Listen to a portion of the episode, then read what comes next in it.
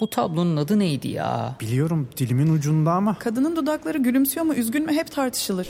Sadece tablonun adı değil, etrafındaki çerçeve, bulunduğu müze, hakkında çıkan haberler, eserin sahibi ve daha birçok bilgi Samsung Galaxy S24 serisi ve Circle to Search ile dilinin ucunda değil, parmağının ucunda. Galaxy AI ile gelecek işte bu kadar kolay. Salus online terapinin yanında size özel ücretsiz içerik planıyla kişiselleştirilmiş bir deneyim sunuyor. Siz de nefes ve farkındalık çalışmaları, meditasyonlar ve çeşitli egzersizlerden faydalanabilirsiniz. Değişim ve gelişim sürecinde hem fiziksel hem de mental sağlığınızı destekleyebilirsiniz. Kendi en iyinizi yaratmak için Salus uygulamasını indirin. Başlangıç 10 koduyla %10 indirimli kullanın.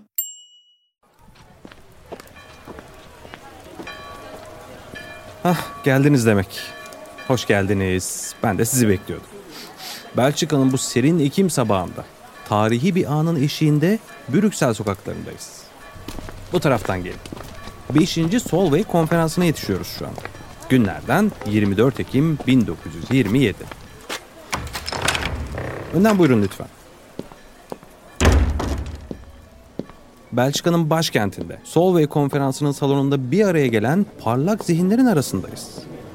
Birazdan bu konferans salonunda kuantum fiziği ile ilgili gerçekliğin doğasını kökten değiştiren bir tartışma başlayacak. Tabi evrenin gizli sırları bugünden yarına ve hatta yıllarca sürecek bu bilim mücadelesinde kesin cevaplar bulamayacak ama podcast yolculuğumuzun ilk bölümünü kutlayacak nitelikte kuantum dolanıklığına dair tarihi bir yolculuğa çıkacağız. Ve Einstein'ın inatçı zihniyle Niels Bohr'un azimle yürüttüğü keşfin mücadelesini keşfedeceğiz. Hah geliyorlar.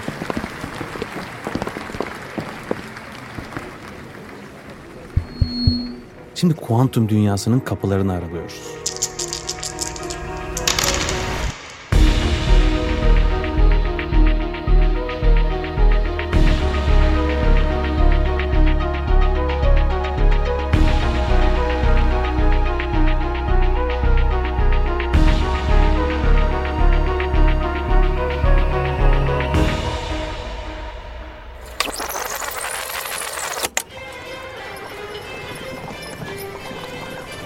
Evet, 1800'lerin sonunda Almanya'dan tekrardan merhaba. Almanya bu zamanlar ilk şansölyesi Otto von Bismarck liderliğinde büyük birleşme ile birlikte bir ulus devlet haline gelmişti. Almanya'yı kıta Avrupa'sında nüfuz sahibi yapmaya and içen Bismarck'ın ideallerine paralel olarak tüm ülke çapında her alanda iyileştirmeler ve devrimler yapılıyordu. Bu devrimin ilk adımlarından biri de vatandaşlarının yaşamlarını iyileştirirken mevcut en yüksek teknoloji imkanlarını kullanmaktı. Nasıl diyebilirsiniz? 1800'lerin sonunda devrim niteliğinde kullanılacak son teknoloji neydi? Şimdiden bakınca basit. Ancak o dönem için oldukça özveri ve teknik isteyen bir altyapı. Işık. Yerel yönetimler sokaklarını ışıklandırarak daha güvenli bir yaşam sunmaya çalışıyordu. Fakat tabii bir sorun vardı. Sokaklar ışıl ışıldı evet ama kullanılan ampuller gereğinden fazla enerji tüketiyordu. Onlar da daha verimli, daha ekonomik bir çözüm arayışına girdiler. Gayet basit bir soru. Ampullerimizi nasıl daha verimli hale getirebiliriz? Bu soru üzerinden üreticilerle, mühendislerle yapılan çalışmalardan bir sonuç alınamayacaktı. Hmm, kime sorsak? En nihayetinde bir bilim insanına danışalım diyorlar.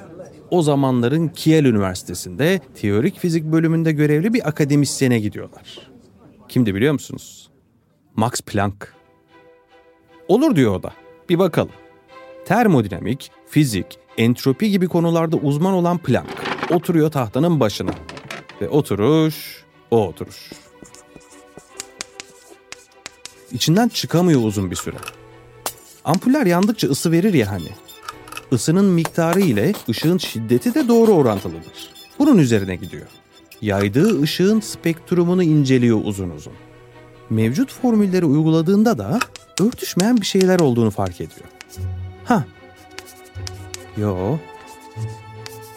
Hmm. Belki. Evet evet. Sorun şu. Planck'tan önce Faraday ve Maxwell öncülüğünde bir şeyi kabul ediyoruz. Işık dediğimiz şey bir elektromanyetik dalgadır. kesintisiz bir şekilde bir su dalgası gibi yayılır çevresine. İşte Planck'ın çalışmalarında örtüşmeyen şey bu oturmuş bilgiyi kökünden sarsan bir şey. Planck şunu fark ediyor çünkü. Işık dediğimiz şey aslında dalga değilmiş. Yaptığı hesaplamalar tek bir şeyi gösteriyor. Ampullerden, güneşten, ısı ve ışık yayan her şeyden yayılan ışık aslında paketler halinde taşınıyormuş. Yani ışık da bir parçacıkmış aslında. Enerji de öyle. Her şey, her şey parçacıkmış. Foton diyoruz ya bugün. Kuantum kelimesinin kökeni de bunu ifade ediyor zaten. Miktar demek Latince'de. Şimdi tabii ilk etapta Planck bir şeyleri yanlış yaptığını düşünüyor. Bizim şu an duyduğumuz ya da konuştuğumuz gibi soğukkanlılıkla karşılayamıyor bunu. Ama nihayetinde kendisinin de çok emin olmadan keşfettiği bu hesaplamayla sizinle kapısında buluştuğumuz Brüksel'deki konferansta dönemin ve belki de tarihin en parlak zihinlerini bir araya getiren şey olacaktı. Kuantum fiziğinin fitilini ateşleyecekti Planck. Ve artık hiçbir şey eskisi gibi olmayacaktı. Fakat biz bu bölümde bu fiziğin teknik detaylarına girmeyeceğiz. Evet, kuantum fiziği ile birlikte transistörlerden tutun da lazer teknolojilerine, GPS'ten tutun da kuantum bilgisayarlarına kadar modern dünyanın tüm temelleri atılmıştı. Fakat bu fiziğin doğuşu ile birlikte büyük bir felsefi tartışma da başlayacaktı. Çünkü binlerce yıldır doğru kabul edilen, tartışılmayan konular tekrar masaya gelecekti. Özellikle gerçekliğin doğası ile ilgili tartışmalar. Bu da din, ahlak, bilim felsefesi dahil olmak üzere bazı taşları yerinden oynatacaktı. Çünkü en basit haliyle kuantum fiziği ve bu alanda Heisenberg ve Schrödinger gibi isimlerin çalışmaları bize tek bir şey söylüyordu. Mikro ölçekte gerçeklik hiç de bizim algıladığımız şekilde kesin değildi. Schrödinger'in kedisini biliyorsunuz. Kutuyu açana kadar mesela kedi hem ölü hem de canlıydı ya. Merak etmeyin. Bu deneyde herhangi bir kedi zarar görmemiştir. Bir düşünce deneyinden bahsediyoruz burada. Şöyle, bir kutu düşünelim. İçine de bir kedi ve kediyle birlikte radyoaktif bir madde koyalım. Bu maddenin de %50 %50 bozulma ihtimali olsun. Şimdi soru şu. Kutu içerisindeki kedi ölü mü, canlı mı? Cevap ikisi de. Bu kedi hem ölü hem de canlıdır.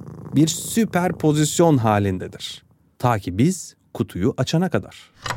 Ölçüm yapana kadar. Bizi oluşturan atomlar, onları oluşturan kuarklar, elektronlar hem var hem yoktular. Hem oradaydılar hem değildiler. Yerini biliyorsanız hızını bilemiyordunuz. Hızını biliyorsanız yerini bilemiyordunuz. Ama en başında Planck'ın keşfinin ne kadar devrimsel olduğunu ilk anlayan Einstein'ın ve onun yolundan giden deterministlerin e ama yok artık diyeceği şey kuantum dolanıklığı ile gelecekti. Evrende bazı sabitler vardı ve bunları tartışmaya açamazdınız. Anayasanın ilk üç maddesi gibi. Işık hızı da bunlardan biriydi. Ama kuantum dolanıklığı diyorduk ya, bazen parçacıklar birbirleriyle dolanık hale gelip aralarında milyarlarca ışık yılı mesafe olsa dahi anlık iletişim kurabilirler. İşte bu bardağı taşıran son damla olmuştu. Fakat bu damlayı anlamak için biz oraya yani 1927 5. Solvay konferansına bir gidelim. Ama önce kısa bir soluklanalım. Sizi konferansta bekliyor olacağım.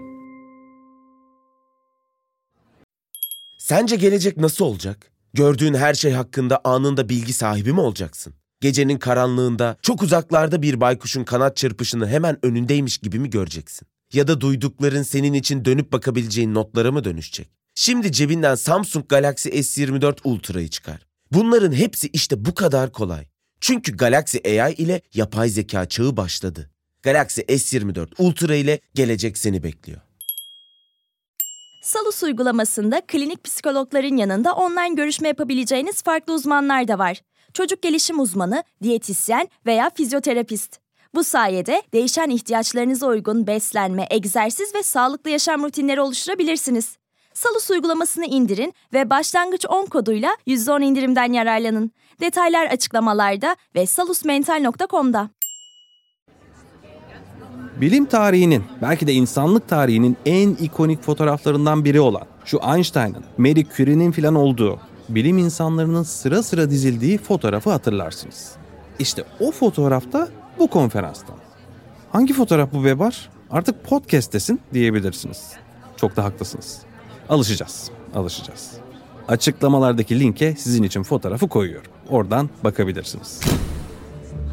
İşte bu fotoğrafta gördüğünüz bilim insanlarının bir kısmı Einstein'ın tarafındayken diğer bir kısmı da Niels Bohr denen bir adamın tarafındaydı. Deterministlerle kuantumcular. Einstein deterministlerin lideri, Bohr ise kuantumcuların. Einstein diyor ki, kuantum eksik. Bazı şeyleri daha derinlemesine incelemeniz lazım. Evren böyle çalışmaz. Yanlışınız var. Bohr da diyor ki, ama öyle. Yani çalışmalar bunu gösteriyor. İster kabul et, ister etme. Evreni oluşturan parçacıklar hiç de kesin davranmıyorlar. Bir olasılık hüküm sürüyor evrende. Hiçbir şey kesin değil. Bu tartışmalar konferansa da sığmıyor ve Einstein-Bohr münazaraları olarak bilinen ve başladığı zamandan itibaren uzun süre devam edecek müthiş entelektüel, bilimsel, felsefi bir tartışmaya dönüşüyor. Biraz şuna benzetiyorum bunu ben. Kepler, Kopernik, Galileo, Newton falan derken evrenin şifrelerini çözdüğümüzü, Einstein'la birlikte her şeyi anladığımızı düşünüyorduk ya. İşte kuantumla birlikte bu bildiklerimizin hepsinin temeli sarsılmıştı. Şöyle düşünebiliriz bunu. Antik Yunan kentlerinde agoralar vardı.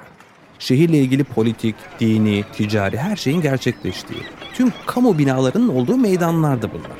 Sonra her şeyin tartışıldığı, herkesin konuşabildiği forumlara da ev sahipliği yaptı buralar. Felsefi tartışmalarında beşiği olmuştu bir noktada. Sonra kayboldu tabii bu meydanlar. Bilim ilerlemiş, evrenle ilgili sorularımızın çoğuna cevap bulmuştuk. Gerek kalmamıştı. Ama işte kuantum devrimiyle bu meydanlar sanki küllerinden yeniden doğmuş. Evrenin doğası ile ilgili tartışmaların fitili yeniden ateşlenmişti. Şimdi problemi bir önümüze koyalım.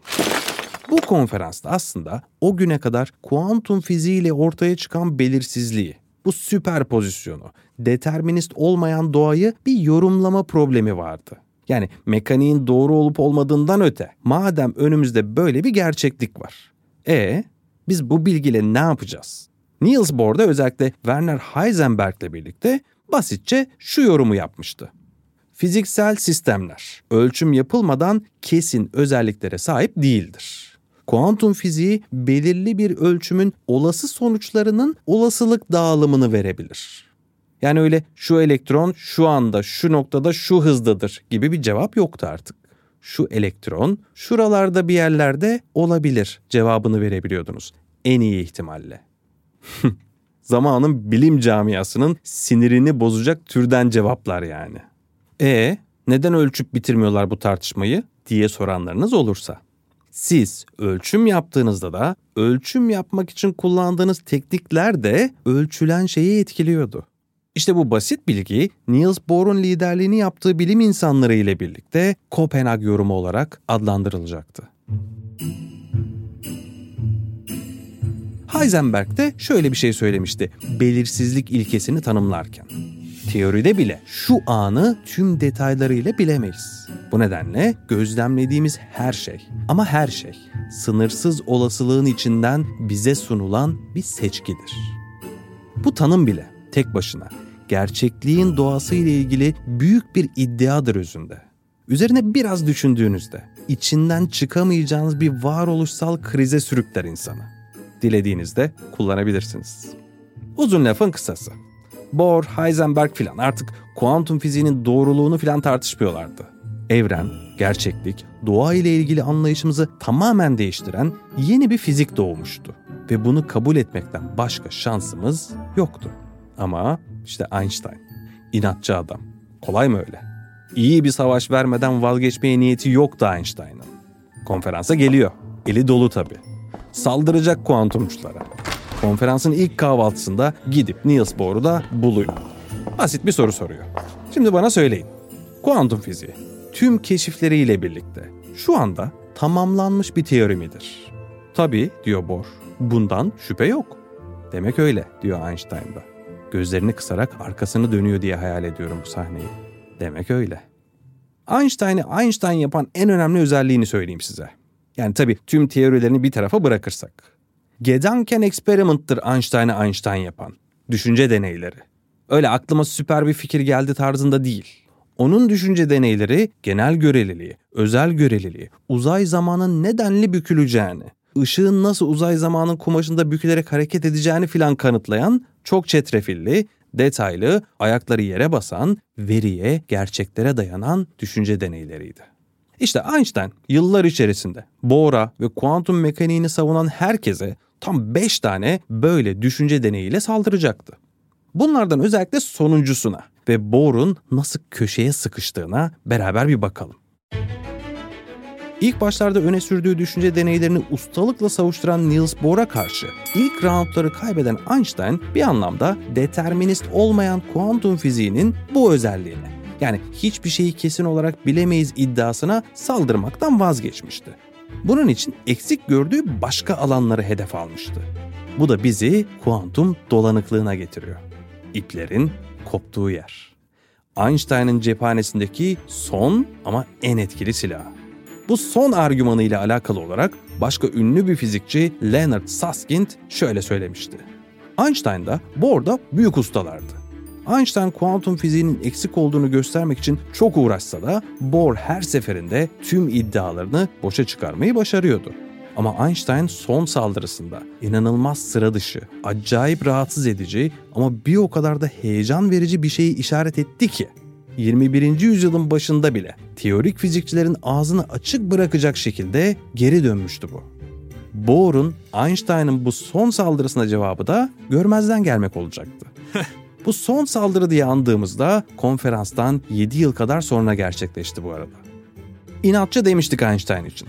5. Solvay konferansından sonra herkes hayatına devam etmişti tabii. 1930'ların başında da Einstein Princeton Üniversitesi'nde çalışmaya başlamıştı. Ama tabii tartışma bitmemişti. Hala kuantum fiziğinin eksiklerini göstermek için çalışıyordu bir taraftan. Tabii bu zamana kadar Bohr'un Kopenhag yorumu bayağı bir kabul edilmiş durumdaydı. İşte Einstein yanına Boris Podolsky ve Nathan Rosen'ı da alarak son atağını gerçekleştirecekti. Birlikte yayınladıkları fiziksel gerçekliğin kuantum mekaniksel tanımı eksiksiz olarak kabul edilebilir mi başlıklı makalelerinde şu inanılmaz düşünce deneyini kurguluyorlar. İki tane parçacık düşünün. İkisi de birbirleriyle etkileşime girsinler. Ve bu etkileşim sonucunda bazı özellikleri birbirine dolansın. Mesela konumları veya dönüş yönleri. Ve biz bu iki parçacığı alalım ve birbirlerinden ışık yılı uzağa götürelim. Bu durumda bir parçacığın dönüş yönünü hesapladığımızda diğerinin yönünü de tam olarak bilebiliriz. Yani Einstein şunu diyor özellikle. Kuantum formülleriyle hesaplama yaptığında birbirine yeterli yakınlıkta duran iki parçacık. Bu elektron da olabilir, foton da. Kuantum dünyasında neredeyse her durumda geçerli bu. Bu iki parçacık arasında bir bağ oluşuyor. Yani bu öyle bir bağ ki kardeş oluyorlar desek yeridir. Ama bu iki kardeşin birbirine tam olarak zıt karakterde olduğunu düşünün. Biri sakin, diğeri çok hareketli. Biri optimist, diğeri pesimist. Ya elektronlarda bildiğimiz kadarıyla karakter özellikleri öyle optimistlik, pesimistlik olmadığı için biz bildiğimiz bir özelliği olan dönüş özelliğinden gidelim. Her elektron ya saat yönünde ya da saat yönünün tersine dönüyor diyelim. Yani tam olarak böyle bir dönüş söz konusu değil. Ancak benzetme açısından en anlaşılır benzetme bu. İkisinden birisi. Ölçene kadar da bilmiyoruz. Orasını anladık artık. Ölçtüğümüzde ise ikisinden birisi ortaya çıkıyor. Bu birbirine yaklaştırdığımız iki parçacık arasında bir göbek bağı oluşmuştu ya. Zıt karakterli kardeşler olmuşlardı. Şimdi bu parçacıkları birbirinden ayıralım. Ama öyle yan odaya falan koymuyoruz. Aralarına kilometrelerce mesafe koyuyoruz. Ve biliyoruz ki her biri biz ölçene kadar bir süperpozisyon halindeler. Nereye döndükleri belli değil. Ve bu parçacıklardan birini alıyoruz. Ölçüyoruz, bakıyoruz. Bu parçacık saat yönünde dönüyor. Ve o anda biliyoruz ki diğer parçacık saat yönünün tersine dönüyor. Aynı anda diğer parçacığı da ölçüyoruz, bakıyoruz, sonuç evet saat yönünün tersine dönüyor. Tesadüf olabilir diyoruz. Bir daha ölçüyoruz, aynı. Biri saat yönünde ise diğeri saat yönünün tersine. Mesafe ne olursa olsun, ne kadar uzak olurlarsa olsunlar. Birini ölçtüğünüzde diğeri bunu biliyor. Hmm diyor büyük ihtimalle yine gözlerini kısarak. Bunu biliyor o anda. Ama bu hiç normal değil. Hiç ama hiç değil. Neden biliyor musunuz? Evrende sabit olan ne vardı? Işık hızı. Hiçbir şey ışık hızını geçemezdi. Bunu biliyoruz. Sayısız defa test ettik. Işık hızına ulaşmak dahi mümkün değil. Ama aralarında kilometrelerce hatta yüzlerce ışık yılı mesafe bulunan iki parçacık arasında bir tür mesaj alışverişi var. Ve gerçek zamanlı. Bu mümkün olamazdı. Bildiğimiz kadarıyla olmamalıydı. Bu bildiğimiz, öğrendiğimiz her şeye tersti. Einstein o yüzden buna şöyle demişti. Tüm bilimsel ve teknik terimlerden arındırılmış haliyle. Spooky action at a distance. Türkçesiyle mesafeler arası ürpertici olay. Yani haksız da değildi. Bu özel göreliliğe tersti. Tarihin en güvenilir denklemlerine, kuramlarına, evrenin tüm yasalarına tersti. Burada önemli nokta şu.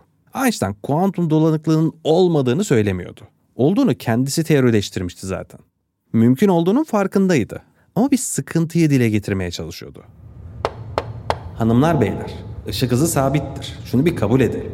Hiçbir şey ondan hızlı ilerleyemez. Hiçbir mesaj ondan hızlı iletilemez. O yüzden formüllerinizi bir gözden geçirseniz iyi olur. Matematiğinizde bir sıkıntı var, diyordu. Ve bunu da herkesin, o zamana kadar bu konu üzerine kafa yormuş herkesin gözden kaçırdığına inandığı gizli bir değişkene bağlıyordu. Yine kendince bir teorisi vardı elbette. Çok da emin olmamakla birlikte.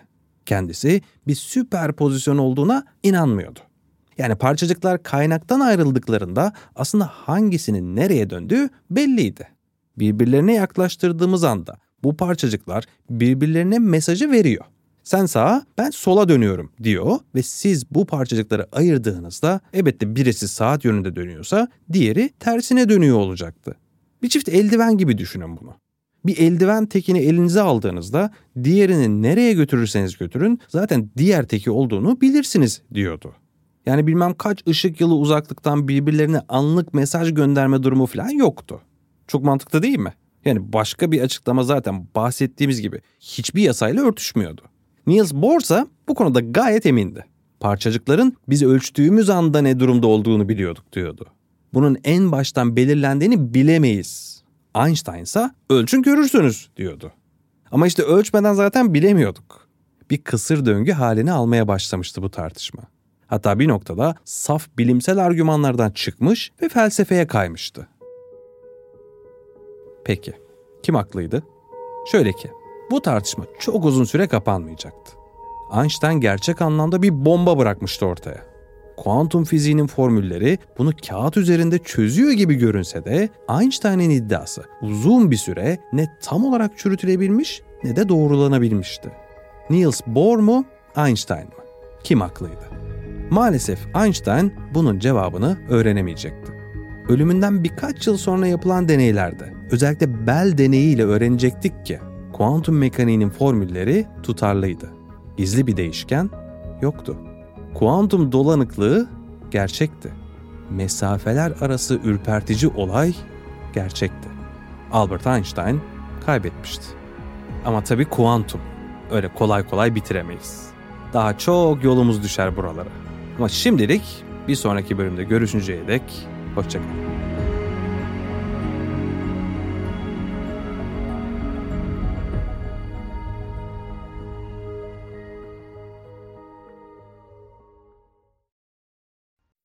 Boğa ve Venüs arasında 120 derece üçgen açılarla desteklenecek. Yeni ay ve devam eden süreçlerde tutumlarımız önem kazanacak. Özetle pozitif olun. Notlarını istediğin gibi özetleyen not asistanı Samsung Galaxy S24 serisinde. Galaxy AI ile gelecek işte bu kadar kolay. Salus yetkin psikologları ile terapiyi her yerden ulaşılabilir kılmaya devam ediyor. Yaşam tarzı değişiklikleri, adaptasyon sorunları, yalnızlıkla başa çıkma gibi konularda online terapi desteği için Salus uygulamasını indirin. Başlangıç 10 koduyla %10 indirimli kullanın.